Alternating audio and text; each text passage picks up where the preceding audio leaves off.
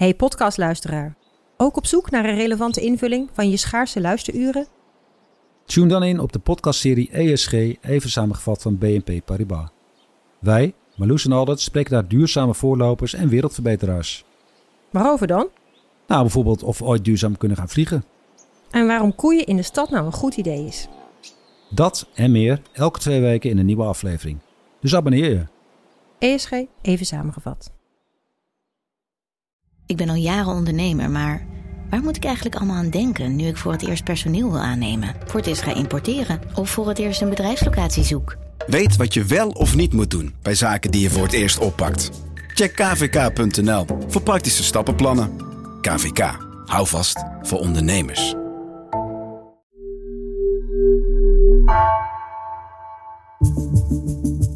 Vanaf de redactie van NRC het verhaal van vandaag. Mijn naam is Reertje Tunter.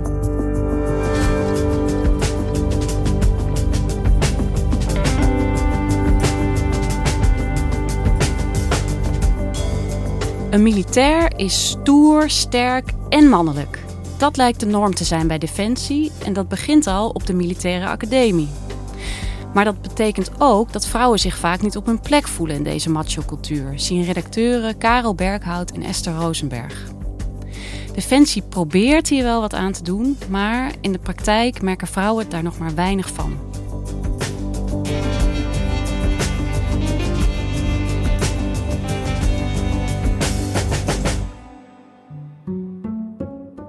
Gwenda Niele is een uh, lange vrouw, slank, lang blond haar, 41 jaar, heel stoer en vol zelfvertrouwen. En uh, ze groeide op in Noord-Limburg. Haar vader werkte in een staalbewerkingsbedrijf. Haar moeder werkte bij een uh, rozenkwekerij en later bij een slagerij.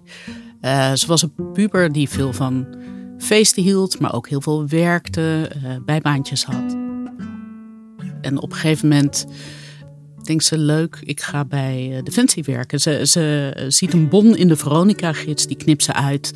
En daarmee meldt ze zich aan bij de Koninklijke Militaire Academie. Ze doet de KMA, vier jaar. Vervolgens gaat ze allemaal stoere dingen doen. Dus ze gaat op missie naar Oeruzkan en ze gaat op missie naar uh, Irak. En ze haalt een rode baret, wat heel bijzonder is. En uh, die krijg je pas na een van de zwaarste opleidingen bij de landmacht. En uh, daar moet je heel veel fysieke oefeningen voor doen. Je bent uh, weken van huis. Uh, het is gewoon echt een hele zware opleiding. Ja, dus ze doet het heel goed in die zware fysieke opleidingen. Daar excelleert ze in. Ja, ze is heel sportief. Mensen die er niet kennen hebben dat ook kunnen zien bij Expeditie Robinson. Daar deze in 2018 deze daar mee. Welkom bij jullie allereerste immuniteitsproef. Gwenda, kapitein van het team. Hoe gaat het? Goed. Hoe goed? Heel goed. Maar goed, uh, eigenlijk is dat natuurlijk niks vergeleken met wat ze bij Defensie allemaal doet natuurlijk. Ja, uiteindelijk wordt ze luitenant-kolonel, wat een hoge functie is bij Defensie. En ze is een boegbeeld ook voor Defensie, als om Defensie te promoten. En als er op een gegeven moment een boek komt over 75 jaar vrouwen bij Defensie, staat zij ook op de cover. Ja, dat klinkt als een heel indrukwekkende carrière. Zeker. Alleen heeft ze uh, eind vorig jaar in december uh, heeft ze besloten weg te gaan bij Defensie. Ze is gestopt. Ze werkt er niet meer. Waarom stopt ze dan? Want ze heeft het supergoed gedaan daar. Zeker, ze, er ligt ook een hele mooie functie voor haar op dat moment in het verschiet. Ze zou commandant worden van een uh, eenheid. Maar wat zij zegt is dat het gewoon niet makkelijk is om vrouw te zijn bij Defensie. Dat vrouwen bij Defensie op hun tenen moeten lopen. En ze heeft heel lang gestreden om dingen te veranderen bij Defensie. En nou ja, daar komt heel veel weerstand op. En daar is ze op een gegeven moment van moe gestreden. Waarom ik ben weggegaan is omdat op een gegeven moment was de emmer gewoon een beetje vol. Defensie is eigenlijk een hele kleine wereld, een soort mini-maatschappij. Dus alle problemen die in de samenleving spelen, uh, spelen zich ook daar af, maar dan gewoon net wat meer uitvergroot. En dat komt ook omdat iedereen daar met elkaar in een soort bubbel leeft. En vrouwen lopen er op hun tenen. En Hoe komt dat dan? Waar hebben vrouwen last van bij Defensie? Nou, het begint eigenlijk al, denk ik, met hele kleine praktische dingen. Wat we horen is dat er bijvoorbeeld een plaspauze bij oefeningen geldt van twee minuten. Die voor mannen lang genoeg is, maar die voor vrouwen vaak te kort is. Waardoor ze denken, dan ga ik maar minder drinken.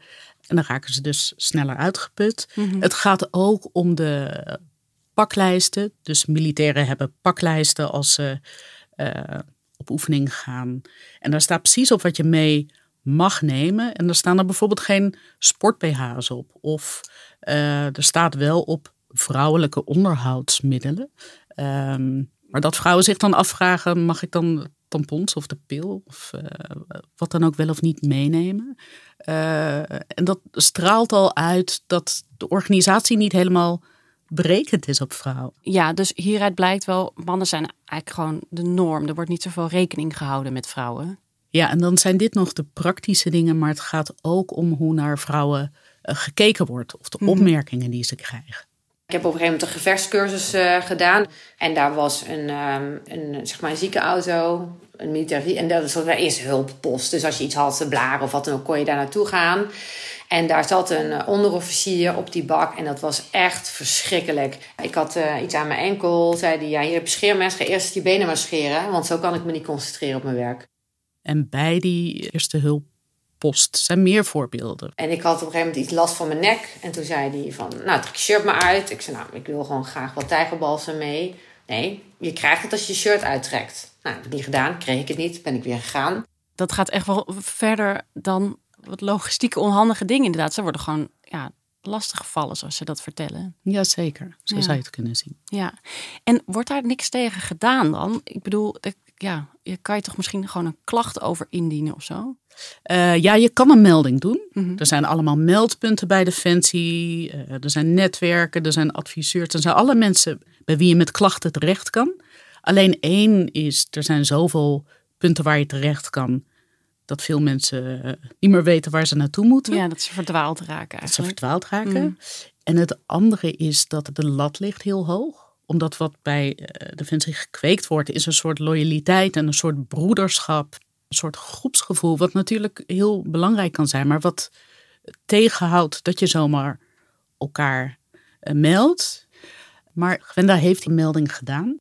Nou, vervolgens was de oplossing dat vrouwen niet meer alleen naar de eh, eerste hulp mochten. Dus er moest altijd dan een mannelijke collega ging er dan mee. Die moest daar dan bij blijven staan. Ja, echt? En vervolgens, als ze verder is in haar carrière, dan komt ze diegene weer tegen. En dan moet ze ook weer met hem werken. Die betreffende man is daarop aangesproken, verder niks. Maar die wist ook dat ik dat had gedaan. Vervolgens kom ik op mijn startfunctie en is hij mijn plaatsvervanger. Dus moest ik met hem gaan werken. Ja, dat ging natuurlijk niet werken. Toen heb ik tegen mijn toenmalige commandant aangegeven: van, Nou, dit gaat niet werken. Maar ja, dat was wel een commando. Commando's hebben een enorme status wat dat betreft. Ja. En mijn commandant heeft gezegd: Nou, dit is een professionele man. Je doet het er maar mee. Ik ga zeker een reddingsboei gooien op het moment dat je verzuipt. Maar wel echt alleen als je bijna verzuipt. Zoek het uit. Dus het probleem wordt eigenlijk bij die, die vrouwen gelegd, hè? Ja, en Gwenda is niet de enige vrouw die we hebben gesproken. We hebben bijvoorbeeld ook gesproken met Claudia Redoet. Mhm. Ehm, zij groeide op in Den Haag. Ze heeft Surinaamse ouders. En zij heeft vooral allerlei functies gehad in personeelszaken en selectie en werving. Dus zij zag hoe mannen en vrouwen geselecteerd werden. Ook zij maakte snel carrière en werd luitenant-kolonel. En eh, Claudia zette zich ook lang in voor de positie van vrouwen, vrouwen op hoge eh, functies. Uh, ook zij was op een bepaalde manier een boegbeeld voor Defensie en ook zij is gestopt vorige week. Nou ja, ik heb altijd met mezelf afgesproken dat als ik een uh, oude zure word, dan moet ik gewoon weggaan. En ik merk dat er steeds meer dingen mij aan het frustreren zijn. Ze heeft de eerste jaren hele leuke jaren gehad bij Defensie. En de laatste jaren uh, waren zwaar. Ja, en zij heeft zich dus juist, zei je net, ingezet voor vrouwen bij het leger. Zeker, op allerlei uh, manieren. Dus zij zat in uh, groepjes die nadachten over mannen, vrouwen bij Defensie.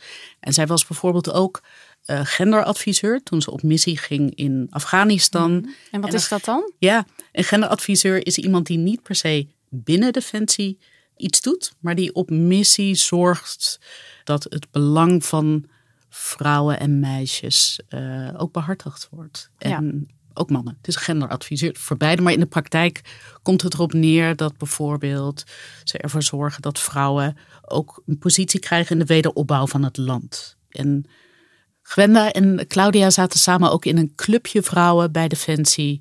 Uh, wat af en toe ging lunchen met de voormalig minister van Defensie, Janine Hennis. En die haar adviseerde over nou ja, defensiezaken. En ook op het gebied van vrouwen en de positie van vrouwen. Dus ze waren eigenlijk gewoon heel erg mee bezig in het dagelijks leven, maar dat heeft dan niet mogen baten. Ja, het lukt ze uiteindelijk gewoon niet. Het blijkt gewoon een heel vastgeroest probleem. Het gaat om vooroordelen over mannen en vrouwen en die krijg je gewoon niet zo makkelijk weg. En ehm, die problemen en die vooroordelen beginnen eigenlijk al op de militaire academie. Ja, want dat is hè, waar de loopbaan bij Defensie begint, dus hè, bij de academie. Ja, de meeste militairen, niet allemaal, maar de meeste komen binnen op de KMA, de mhm. Koninklijke Militaire Academie in Breda. En de KMA heeft een internatiesysteem. Dus uh, ze trainen daar, ze wonen daar, ze werken daar, ze vormen heel sterk een groep. Je bent afhankelijk van de groep. Je wil dus ook niet uit die groep vallen. Dus het zijn allemaal jonge mensen van wie de identiteit nog gevormd moet worden. En wat er dan gebeurt is dat die identiteit eigenlijk één wordt of samensmelt met die organisatie. En dat vertelde uh, Kwenda ook. Op het moment dat je bij Defensie binnenkomt, uh, dan wordt er ook wat voor de grap gezegd. Hè, we moeten mensen eerst afbreken om ze vervolgens te kunnen opbouwen. En dat betekent dus eigenlijk dat ze ehm, van je verwachten dat je je eigenheid loslaat en je assimileert naar een nou ja, een, een, een, een voorbeeld, een model militair. Je kan zeggen de problemen beginnen eigenlijk al een beetje op de academie. Maar misschien beginnen ze al daarvoor. Er mhm. zijn heel veel jongens, mannen, die al naar de academie komen met een bepaald idee. Met een ideaalbeeld van een militair in hun hoofd. Ze hebben het idee, daar zitten er allemaal hele sterke mannen, soort commando's die meteen in de houding gaan staan. En dan komen ze op de academie en sommigen zijn ehm, al verbaasd dat er alleen al vrouwen zijn. En ze krijgen bijvoorbeeld in die eerste week ook al te horen: dit zijn de jongens, dit zijn de meisjes. Mhm. Als de meisjes het fysiek niet redden, dan gaan de jongens uh, ze helpen, wat heel aardig is. Maar wat ook een signaal is alsof vrouwen een soort tweederangs mannen zijn. Ja, alsof ze het niet aankunnen. Dus de hele sfeer die daar hangt is eigenlijk zo'n beetje een klassiek beeld van wat dan mannelijkheid, uh, wat je dan mannelijkheid zou kunnen noemen. Ja, ik denk dat je wel kan zeggen dat er een soort macho-cultuur heerst. Maar het interessante is dat Defensie, uh, dus de organisatie als geheel, oprecht meer vrouwen en meer andere soorten mensen en meer andere capaciteiten binnen de organisatie uh, wil hebben. En dat ze daar mhm. ook heus moeite voor doen. En aan de ene kant willen ze dat omdat ze gewoon een afspiegeling willen zijn van de samenleving. Maar het is ook heel praktisch dat ze toegaan naar een ander soort oorlog. Waarin ze ook mensen nodig hebben die goed kunnen hacken. Mhm. Of uh, die verstand hebben van gedragsbeïnvloeding. Of nou ja, allerlei soorten andere vaardigheden dan alleen maar vechten. Ja, precies. Dus het is hoe dan ook goed voor de organisatie om allerlei redenen om meer eh, diversiteit te hebben. Um, dat klinkt natuurlijk mooi hè, in theorie, maar in de praktijk. Uh, mensen moeten zich dan wel thuis voelen bij zo'n organisatie. En eh, vrouwen bijvoorbeeld moeten zich thuis voelen bij een opleiding. En dat is dan denk ik niet zo als ik dit zo hoor. Nee, op basis van de gesprekken die we nu gevoerd hebben mm, en de rapporten die er liggen, lijkt dat niet zo te zijn. En een van de kadetten op de academie, mhm. zij heet Irina Tsiamali, zij is 25 jaar.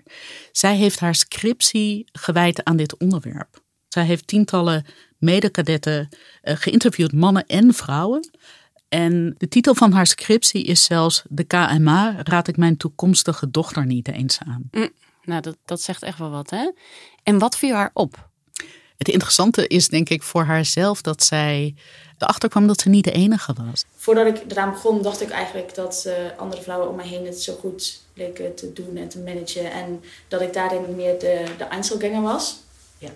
En ik merkte dan tijdens de interviews um, ja, dat sommige vrouwen hier echt op hun tenen aan het lopen zijn.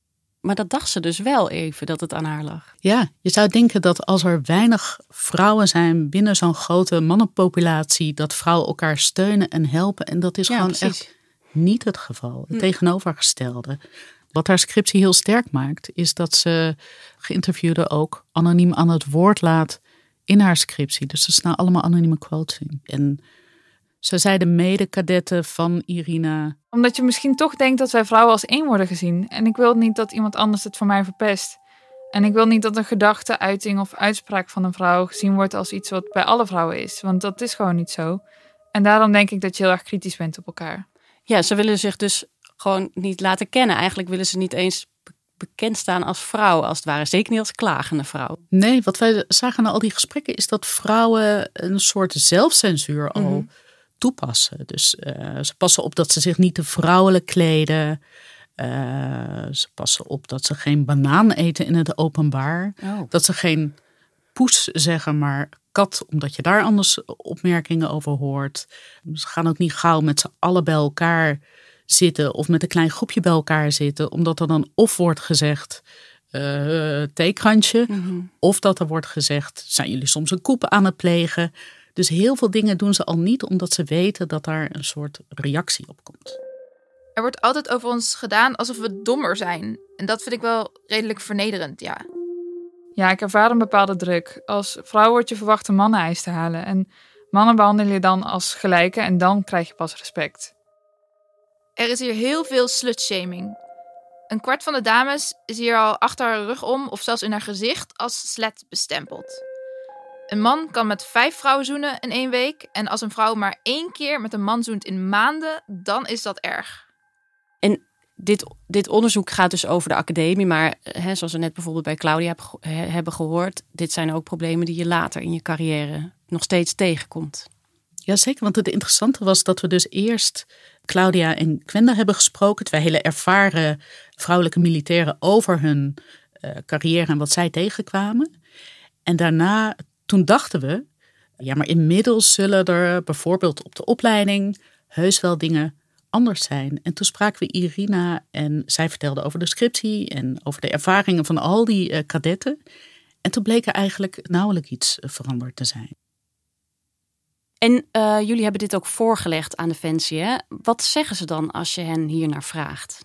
Defensie ziet ook dat de eh, sterke masculine eh, groepscultuur bijdraagt aan de uitsluiting van mensen die daar van afwijken, die afwijken van de norm. Um, en ze zeggen dat ze het heel graag willen veranderen en dat ze actief eraan werken. En dat ze belangrijk vinden dat elke defensiemedewerker zich uh, geaccepteerd en gewaardeerd voelt. Dus ze mhm. maken plannen en ze nemen maatregelen. En er zijn allerlei netwerken en er zijn clubjes en ze ondertekenen allerlei uh, verdragen die vrouwen vooruit moeten helpen. Uh, maar dat doen ze al heel lang. En in de praktijk merken vrouwen er gewoon niet zoveel van. En er komt bij dat wat ze moeten bestrijden zijn vooroordelen. En ik denk dat het niet zo makkelijk is om vooroordelen zomaar uh, weg te gummen. En uh, het lijkt alsof Defensie het ook het uh, probleem heeft uitbesteed aan vrouwen en aan mhm. reservisten. En dat het niet per se in het hart van de organisatie zit. En Irina schrijft het eigenlijk ook al in haar scriptie. Dat het moet beginnen bij de opbouw, bij het begin en op de academie. En wat je daar ook ziet, is dat zij zelf actie hebben ondernomen. Dus naar aanleiding van de scriptie zijn ze bijvoorbeeld met alle vrouwen op de academie een WhatsApp-groep begonnen. Dus daarvoor spraken ze elkaar bijna niet. En uh, dit is een soort begin om in ieder geval contact met elkaar te hebben en elkaar te kunnen steunen. En Gwenda en Claudia zijn weg hè, bij Defensie, zijn misschien moe gestreden, als ik dat zo mag samenvatten. Maar hoe kijken zij nou naar de toekomst? Denken ze wel dat er iets kan veranderen? We hebben gevraagd: wat als jullie dochters op een dag zeggen: We willen bij de krijgsmacht, Mhm. we willen bij het leger. Ja. Zouden jullie dat toejuichen? En eh, over het antwoord hoefden ze allebei niet heel lang na te denken. De een zei meteen ja, dat was Gwenda. Die zei: Ik heb heel veel geleerd, eh, ik heb hele leuke tijd gehad. Maar, zei ze ook, Als ze dat zelf zouden willen, zou ik ze dat heel erg gunnen om dat traject eh, ook in te gaan. Maar ik zou zeker wel op de achtergrond meekijken of ze niet, nou ja, afgestompt worden. Ze zegt dat is wat het systeem met je doet. En eh, Claudia hoefde ook niet na te denken, maar zij zei nee. En ze kreeg eigenlijk tranen in haar ogen. Ze keek ook naar de dochters en ze zei: Ze zijn gewoon te anders om te starten daar. Ja. ja. En ik gun het ze gewoon niet, mijn meiden. Dat alles wat wij erin hebben gestopt in zelfvertrouwen en bewustwording. En dat je mag zijn wie je bent. Nu nog niet.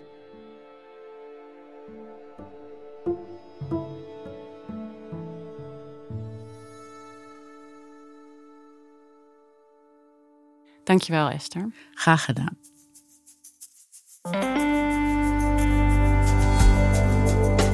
Je luisterde naar Vandaag, podcast van NRC.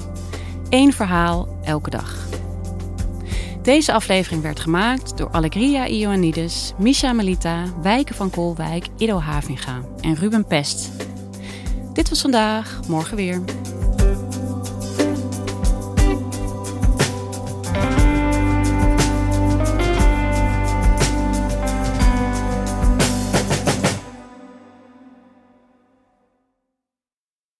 Technologie lijkt tegenwoordig het antwoord op iedere uitdaging. Bij PwC zien we dit anders. Als we de potentie van technologie willen benutten, kunnen we niet zonder een menselijk perspectief. Human-led, tech-powered noemen we dat. Ga naar pwc.nl.